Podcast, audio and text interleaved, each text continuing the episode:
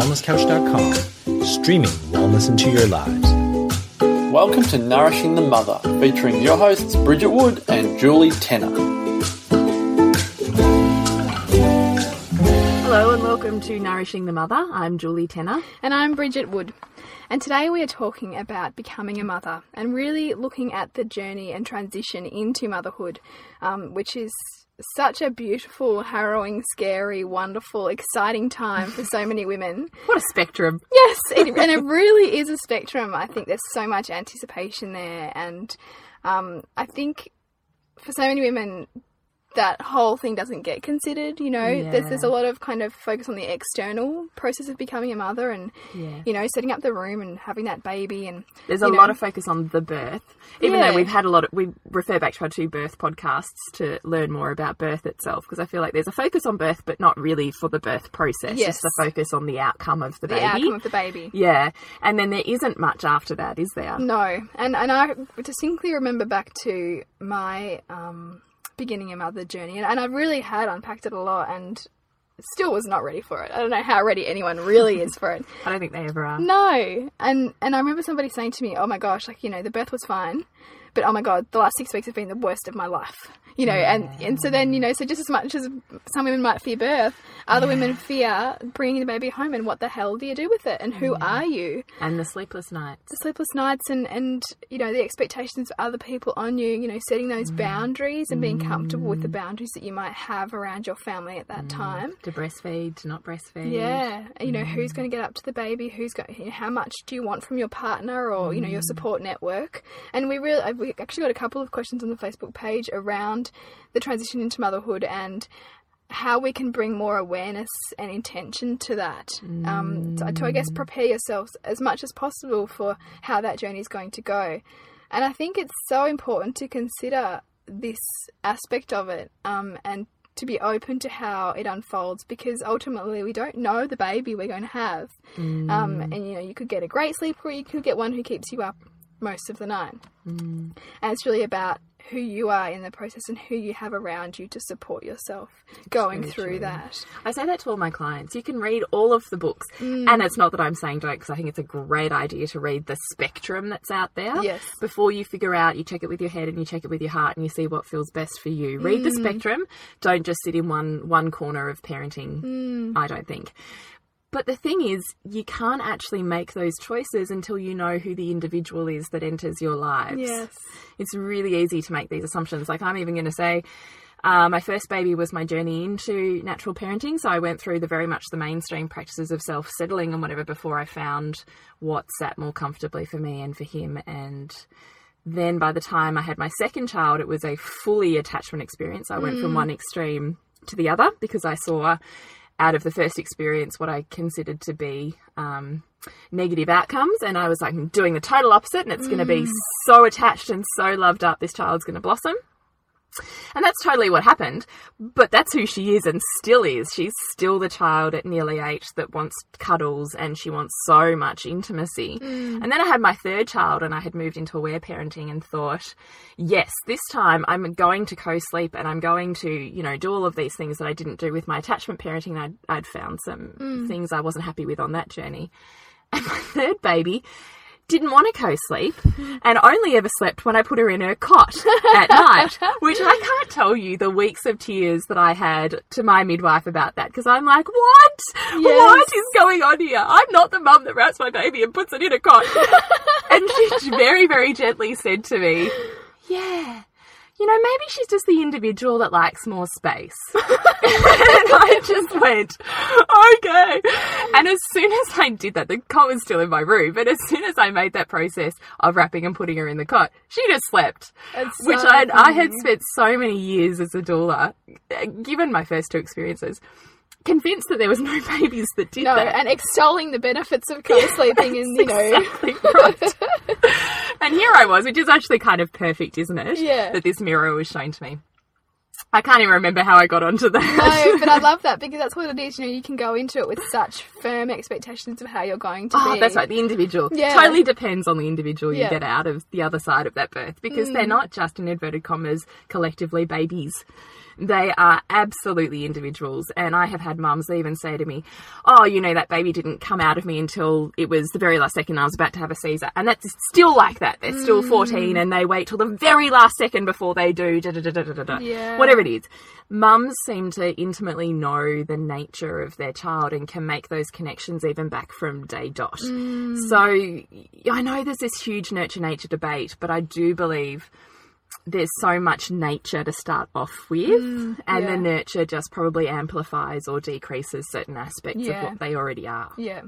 And they're so much, they are so much you and where you are at because they are responding to you. I mean, that mother baby dyad is so intimately linked. You just, you cannot pull it apart really mm. because they, the baby is, you know, reflecting your own anxieties a lot of the time. I mean, I look back to my journey with, with Hugo and I was, you know, really had my head in every book and almost, I feel like didn't even trust myself, even though I did with the birth and all that kind of stuff. But beyond that, I was like, what the hell do I do? Mm. you know, and I wonder how much his lack of not sleeping and really not settling was was my was me playing out. You know, was how much was I influencing that?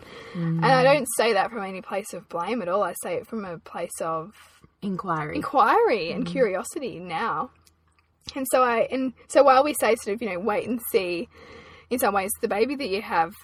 I wouldn't necessarily recommend that with birth, you know. Like the, Oh the- no, the- not you know. The, birth at all. But it is still in parenting as it is in birth about getting your toolkit. Yes. and choosing your support support network and how that's going to function prior to the event. Mm. So the toolkit is no go. This was my struggle with my first child. Is none of my friends had had kids by that stage or the circle that we were in at that stage. And so, if you haven't grown up with kids, which predominantly we, none of us have, we don't have big families No. that we've grown up around, and our sisters that are already having babies by the time we're mm, 12. We don't mm. kind of have that anymore. Yeah. So we come to being mothers ourselves, and we've had no direct experience of mothering mm. or of babies. So we have no toolkit, and we only have a vague reference of maybe how we were brought up, and probably the input that our mum and our mother-in-law have based on what they remember. And I think that it's it's often a remembering. memory. Yes, isn't it?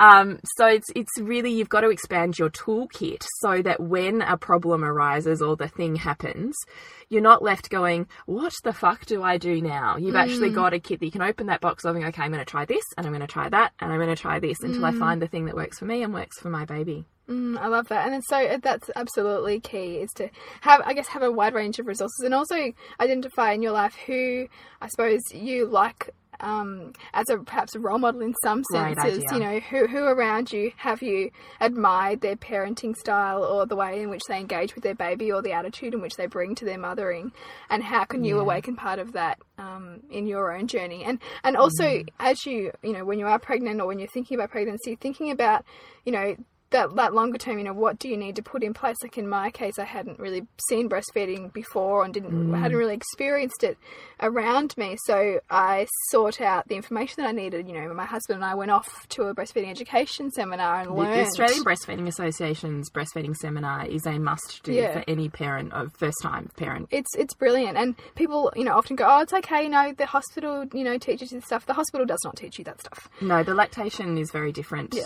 Uh, la- lactation are very different and often come from not necessarily the World Health Organization's recommendations No. either. And the Breastfeeding Association classes, you're surrounded by women who have breastfed themselves, who Mm. are intimately still involved in breastfeeding issues. They have very, very fantastic resources for healing problems. Yes. And you also in that class get to actually witness breastfeeding. So Yeah. you always have a mum and baby there who show you what attachment Looks looks, like. like, Yeah. which is fantastic to actually have such a physical representation of. Mm. And it gives you a point of reference. They have a 24 hour, tw- seven days a week helpline Yes. that you can call and it connects you with any one of their breastfeeding counsellors. The Dandenong office has a drop in office every Wednesday where if you're having any mm. issues, you've had a shit night, there's nothing, something's not going right, you've got cracked nipples, whatever it is Yeah. Just go and jump in there. It's a group of women who sit there with all the resources and a room full of toys Mm. and cups of tea, and they will nourish you and help you on your journey. And it's you know you don't have to pay anything. It's all there. They are they they are at the end of the phone. They are volunteers and they are amazing. And so that's just a off the bat straight away. Yes, you Yes. know if breastfeeding is your intention, set it up like it is. Yeah, you know it's true. it's not something that you also just wait and see with. like in birth, so true. because sometimes it just doesn't happen. and like it's a learned skill. It is. It's, it's not saying that. Sometimes you hear of those beautiful journeys where it just happens, but even when it just happens, there's still teething problems Yeah, on that journey. You know, like there's still you, you'll still have questions. You'll still be up in the night wondering what you know, sleep deprived. Why is this not working? Mm. Having those resources, and in my case, I also had a friend who was a midwife who came around and checked every couple of days how it was going. You know, not everyone can have that, but who else in your circle can you And call on? how can you resource yourself to How have can you resource opportunity? The Australian Breastfeeding Association is a fantastic resource. They're brilliant, that. and there's there's local drop-in centres even beyond just the Dandenong Yes, one. There's, there's yes. one in every state of Australia, in every Yes. town and, play region. groups or groups of that they meet every week and they discuss a different topic and they Yeah. have lactation consultants there ready to help you as well and it's in a community of women who have babies probably of similar ages and having a community around you automatically makes Mm. a really big difference the other thing i want to talk about when we're talking about intention into parenthood is actually a blessing way Yes, I love this concept, and I'm so doing this next time. Take it away. I want to tell everyone about it. so when i had my first baby i did the baby shower yes. which is what everybody does. And it's exciting because you get all these presents, and you know, sometimes you do silly games, and it's almost like the hen's kind of version of, It of kind of having is, a baby, isn't it? isn't yeah. it? And but it's all it kind of left me feeling a little bit holy. Yeah, you know, we did it, it was fun and la di da. And when I had my second child, I was like, oh, it's my second child. I, I don't I don't need that fuss. I kind of think deep down there was a worthiness thing. I'm not worthy of that honouring or Mm. that fussing Yes. you know, which I think is a common theme for mums, particularly if it's second or subsequent children. Mm. And then after my daughter, I became a doula, and so then I was witness to this incredible spectrum of, of birth and parenting journeys and all of the resources and tools that are out there. And I came across the Blessing Way, which then I went to so many and I've run a couple along the way, and they are just the most extraordinary version. Instead of having a baby shower that focuses on the baby or the outcome, the blessing way focuses on blessing the way for this mother. Mm. And there's a new mother born every time you have a child.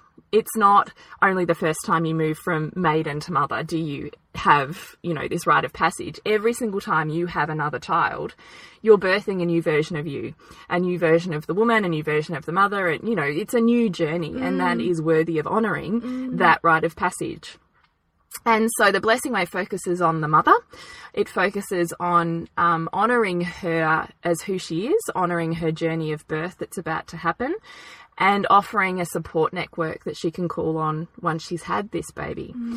So blessing ways come in. There's many, many, many different ways that you can do it, and I would love to do even another podcast on that, or have a look. Just have a Google, and you'll find all sorts of amazing, amazing stuff. I'll tell you about my blessing way that I had with my third baby to give you an idea. So um, I called in oh, my sister and probably two or three other friends, and I said very specifically, This is the kind of thing I want. Can you help me do it? And so my sister is amazing at creating beautiful spaces.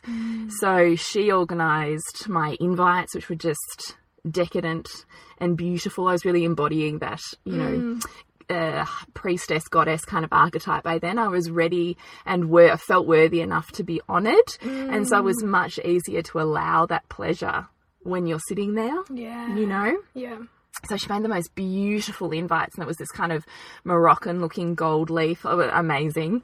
And um, we organised, they organised a beeswax candle. It was the mother candle that when everybody entered, she had these beautiful pure wool, different coloured strings, and everybody tied a string on that represented a wish or something that they'd done to this mother candle. They got spritzed with a um, beautiful cleansing um, essential oil kind of aura Blend. cleansing Yeah, blend yeah. that was just beautiful. And they walked into this room that she had decorated that just looked like the inside of a goddess tent. It was just unbelievable. It was full of candlelight and things hanging off the ce- ceiling and scarves and things strewn everywhere over pillows. is amazing. My whole lounge room was completely transformed and smelt amazing. And I had a henna tattoo. So Brie, who we interviewed last week, was my doula. And she had done, my sister had designed it, and then she henna tattooed my belly, and I had this amazing um, peacock kind of design on my belly, which was just extraordinary. And that was a real process of letting go for me because I don't have the perfect body. I had the, I still have a few of those hang ups. I had stretch marks. And to allow myself to be nurtured and loved in that way of honoring my mm. body and my process and transforming that concept of of those scars being scarring as opposed to being gifts or honoring mm. even that to be touched in areas that you don't necessarily feel comfortable mm. and baring yourself in Cringing that about? way, you know, baring that part of yourself that you so often hide away. Yes. So it was amazing. So I did that, and my sister had made me this amazing headpiece. So as it was starting and everybody was arriving, I walked out and I, I had, you know, this belly that had this amazing design on it and this gold headpiece, and I felt absolutely like a goddess, Wow. which was an amazing experience because when do you ever allow yourself to feel like that? Yeah. And the excitement of the women around me when they saw that was just, it was beautiful. And they walked into that mm. space and it was like instantly everybody's energy just dropped into it. They matched that they, vibration. they were there because that space had been that space was being held, Yes. wasn't it? And I'm talking about some very mainstream women here. I have a beautiful group of friends that are from so many areas of my life that some yeah are really hippie but some are really not you know they mm. have never experienced a women's circle they've never you know gone very deep and so i was not totally sure how this space was was going to go mm. And instead, what came out of it was when you set intention and you hold a circle and a space, these women, all of them who didn't know each other, who were from different walks of lives, life, just sat in it. And it was amazing. They all walked out of that going, Oh my God, I feel amazing. I didn't know this, you could do this. I didn't know I could feel like this, you know. And so we all sat in circle. So everyone brought a cushion and um, we lit the candles which we had which there was an honoring process with that. One of my friends led us through who was a yoga teacher led us through a uh, meditation. And then we went around the circle and they had all brought a crystal for my birth space for me to carry with me wherever it was i was going to have birth. And they all said what it was that I meant to them or that I had brought to their lives. And offered me this gift that they had brought. And I can't tell you, by the second woman, everyone in that room was crying. like it was absolute heaven on earth to literally be so allowing of receiving those compliments and those external versions of myself that it was I don't even know what it was. It filled my soul. And to be on the point of birth with a full soul Wow. is such a gift. That is beautiful, and I and I, not only that, but that concept of what your baby is feeling Yeah, in you, true. with you feeling like that, like that is what a way to welcome them in. Yeah, you know, and and transition yourself into that role of holding them in that such a you know that that really nurturing time. Yeah. It's just And then we did, and I had another beautiful friend who led us through a fe- fear burning ceremony. So mm. everybody had an opportunity to write down a fear that they were holding on to that they wanted to let go of, and they had the choice to speak that or not. In either case, we held that space and they would burn it. Everyone bar two spoke it, and everyone, the other two didn't, was completely fine, and they just said it internally. And that was so healing. The vulnerability and the connection that comes through vulnerability was just extraordinary.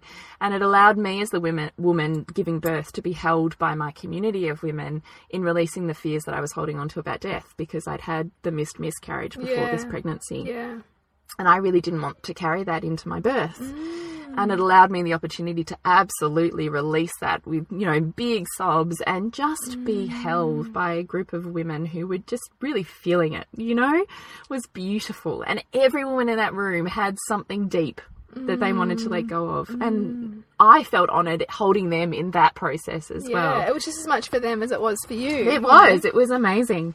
And then we had a break, and all of the women there had a henna tattoo on their wrist, which would have stayed on their wrist roughly until the time I would have given birth.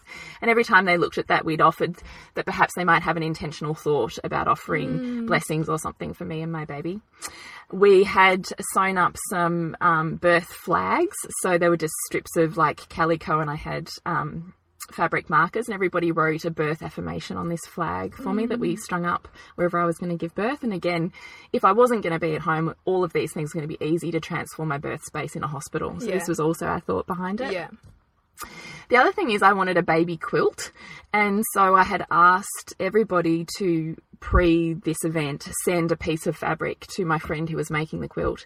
And so every single woman that was there had sent a piece of fabric to my friend, and my friend had made this amazing quilt oh, that was just full of all of the fabrics from all of the women that were there. Some had mm. stories, and some they just loved the pictures of, you know, whatever. yeah. And I had fabric markers again, and everyone wrote a blessing for the baby on the back of that quilt. Gorgeous. Oh, it was amazing. And then we mm. ate and we came back in and we had another um, meditation. I think it might have been a bell meditation with my yoga teacher friend again. And the circle was closed. And the whole thing went for probably two and a half hours.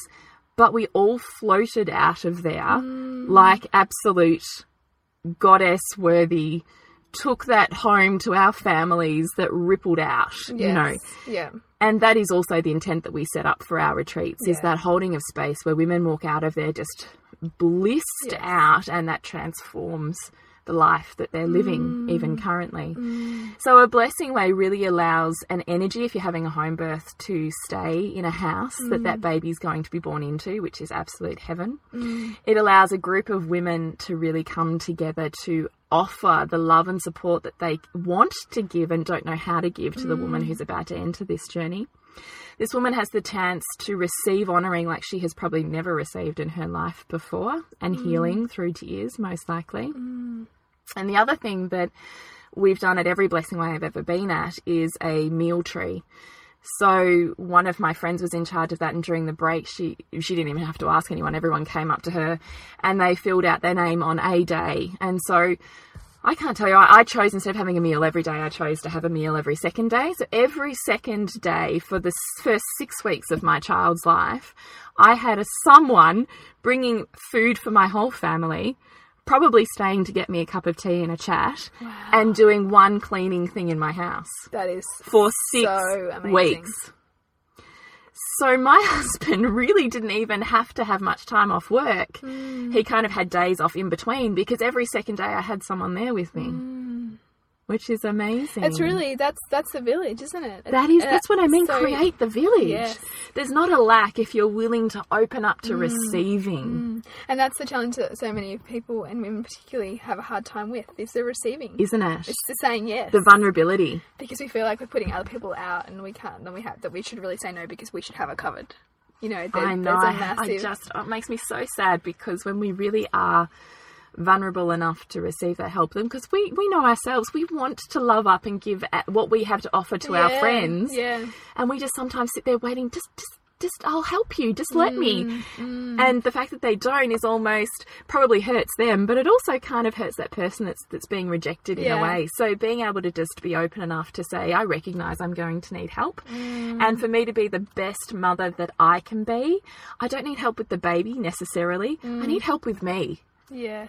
And I say that to all of my clients and any grandparents I come across is the best way to help a new mum is to feed and help the parents so Yes. that they can be the best parents they can be to their child. Yeah.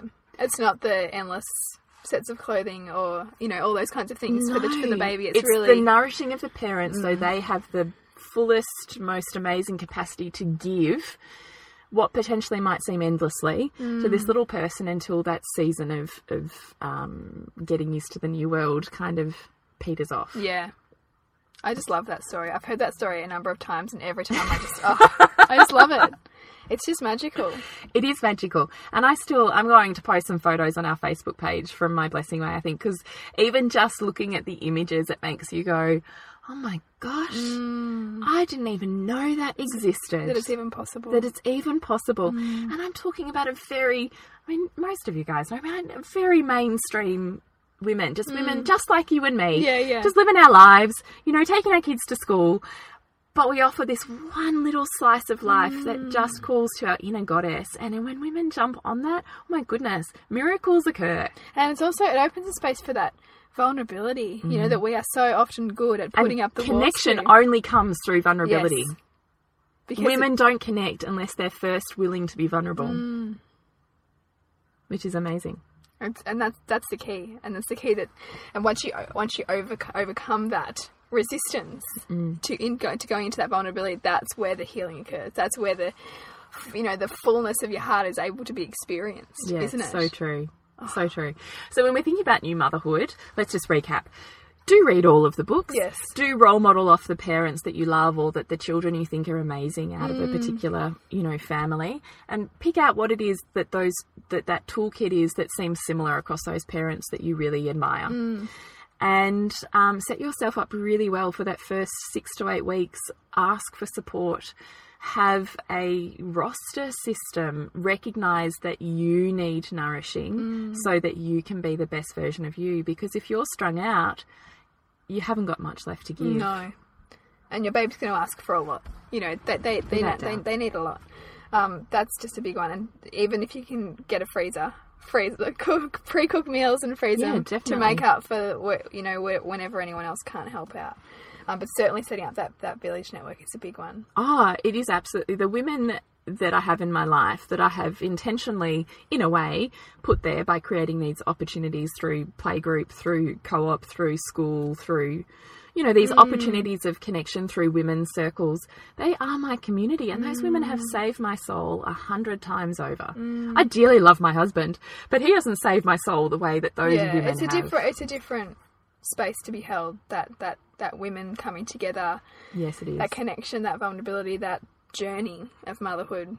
yes, That that is not something that husbands ever really feel that they can enter.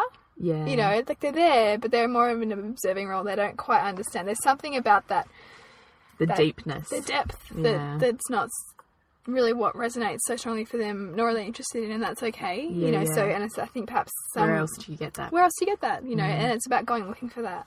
So maybe let's talk a bit, a little bit about what happens when um, you're having maybe too much input from those around you. Yes, yeah. Because we've all experienced that. I certainly have. Are you feeding that baby again? Mm, Really? Don't you think that's dangerous that you're sleeping with your baby? yeah. You know, I'm not sure. There's probably a myriad. What other ones have you heard? Oh, um, Oh, carrying your baby. Damn it! I had one. I had one memorable one to be in a supermarket one day. I had my baby in a sling. Oh, don't you carry it enough? because she knows you and she sees you all the time. I don't know. I was like, um, no. what do you even say to that? But there's so much public opinion, I There think. is, there is. As soon as there's a witnessing of meeting a child's needs possibly above your own, Mm. of deep connection, there's almost a ribbing there. And Mm. Yeah. that's generally when the comments are going to fly out. Yeah, and I anything, think. and I think anyone will challenge something that's outside their value system too. Like if it's Mm. challenging to what they would do, then they'll. Mm. We often will think it's wrong, and some people are quite comfortable to voice that. Mm, you know, mm. and you know, of course, everyone's an expert. Anyone who's ever had a baby before you is clearly an expert, and will probably tell you that. Yeah, you know, definitely. family, friends, people will tell you not to, you know, baby must be tired, it's doing this, you know, don't spoil the baby, or, you know, all of this kind of stuff. And it, so much of all that advice is their own stuff, It is their own stuff. you know, which is, you know, that, that's human nature. That, that's how we, how we work. But, it, So, did you get that as a young mum? Um, funnily enough, I don't feel like I got it that much. And I don't know why that is. I mean, I got it from my mum because my mum, um, I was pretty like firm about what I wanted, and so of course, you know, I'm going to attract a bit of a challenge, and my mum felt a little bit challenged by some of it. And I also, interestingly enough, and you know, that's, that's quite funny now that I look back on it. Like I, I was put in a mother's group of of very mainstream mothers with very mm. mainstream choices, and I felt really uncomfortable and challenged because mine were all very, very different. Um, but ultimately, that led me to seek a tribe where I felt more held in my choices mm. and more able to explore those more fully. Still, while keeping that foot in that other group to help me get the perspective that I often needed and that I mm. now see I needed because I had become quite probably one-eyed in the way that I wanted to do things, which you know you suggested that Yeah, that was your experience too. You know, Yeah. like we kind of and we often, if we have get quite firm on our values, we'll look for things to support them, and we'll you know anything that challenges them, we'll see as wrong. Um, and that's definitely, I think, what creates a lot of the division in early motherhood and in, in choices around sleep. I mean, you'll see the, the if you go into any you know like parenting group, the opinions on sleep, Mm. it- it's it's almost like one of those big taboos. Like you just don't talk about it Mm. because there's you know.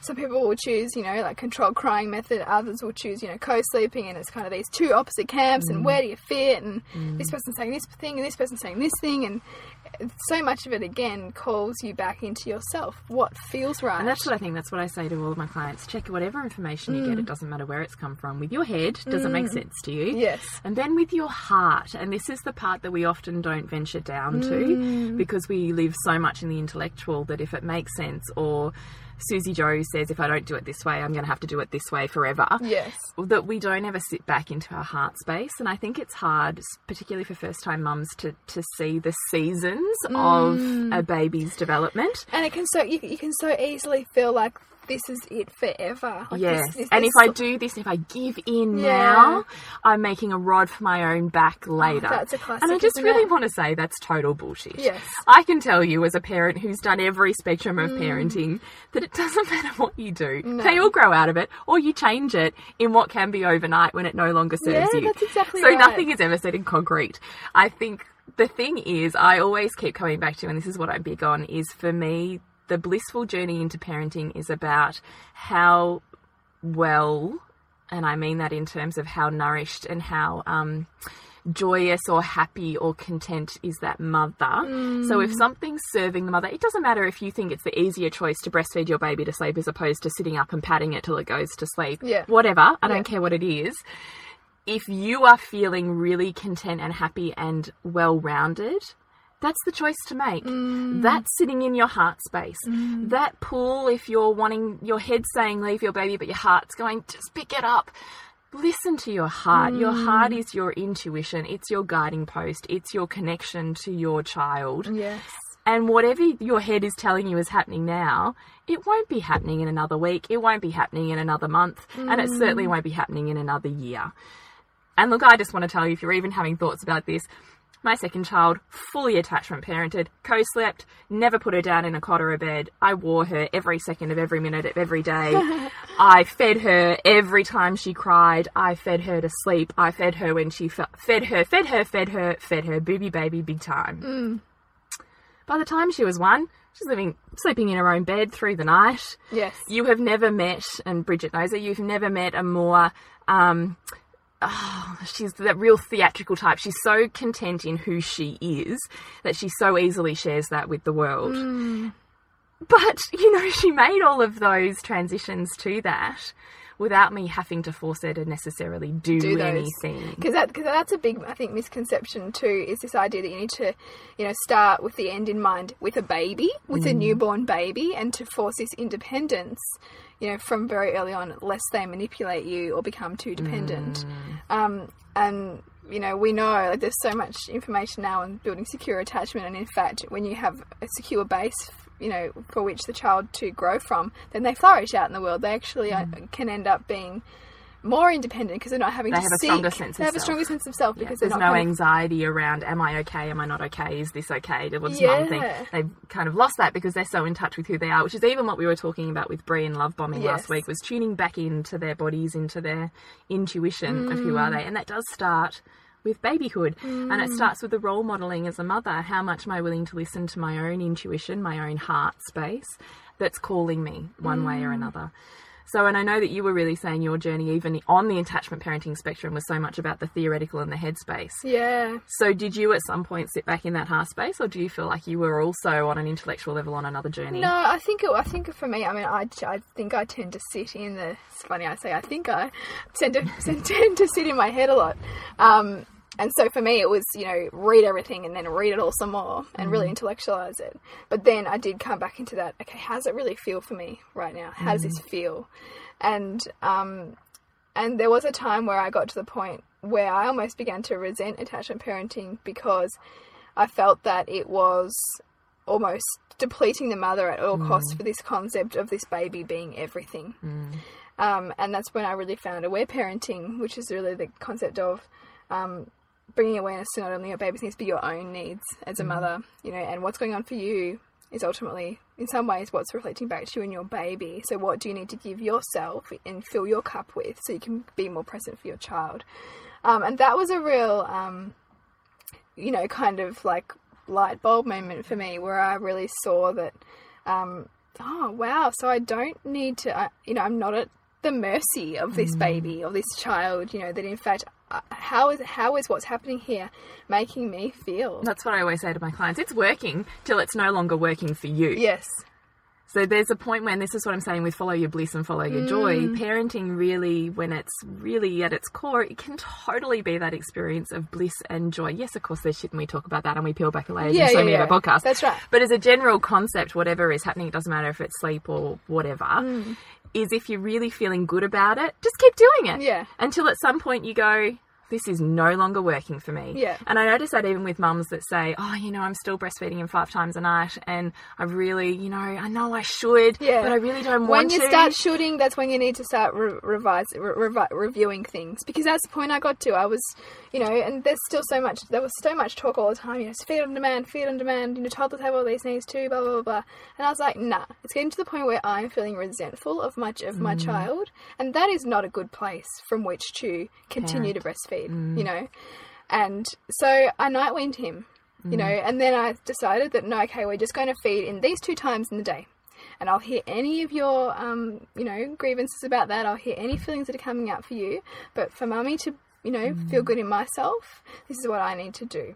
You know, and then that parenting effect ripples out. so that's what I does. mean. You keep doing what you're doing until you go, there's a point anymore. not.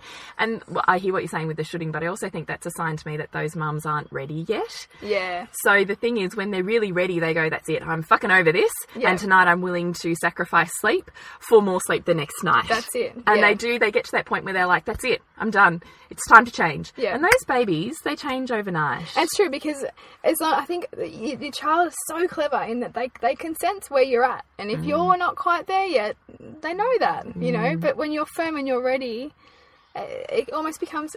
In some ways, parts of it effortless. You know, you'll often hear of parents say, "Oh, they just responded so well to that. I wasn't expecting that." But it's almost because they got to that point of being knowing that this is what they the change that they wanted to make, and they're firm with it. yes. That the child's just responded to that. And the key is also what you touched on before with aware parenting is whilst you're offering changes in their life, you're mm. also offering the opportunity to hear their grievances with that, to hear their pain, their suffering, their anger. Mm. And so you're saying holding that space. So when they're crying, I'm not putting the dummy in or offering food No. or distraction. I'm going to sit there looking at them in their eyes, holding their mm. bodies. So I know I really hear that you're really upset about that. Yeah. I really hear that you're angry at mummy. Mm. I really hear that you really want that milk now it's listening to that space that then creates the healing for them to move through as opposed Yeah. to them sucking it down. and then they're not holding on to it anymore. They've they've felt it, mm. they've sat in it for a minute, and they're shifting it, Yeah. as opposed to them then operating like we talked about with Brett in the Yeah. last love bombing podcast. They're not operating from that space of you know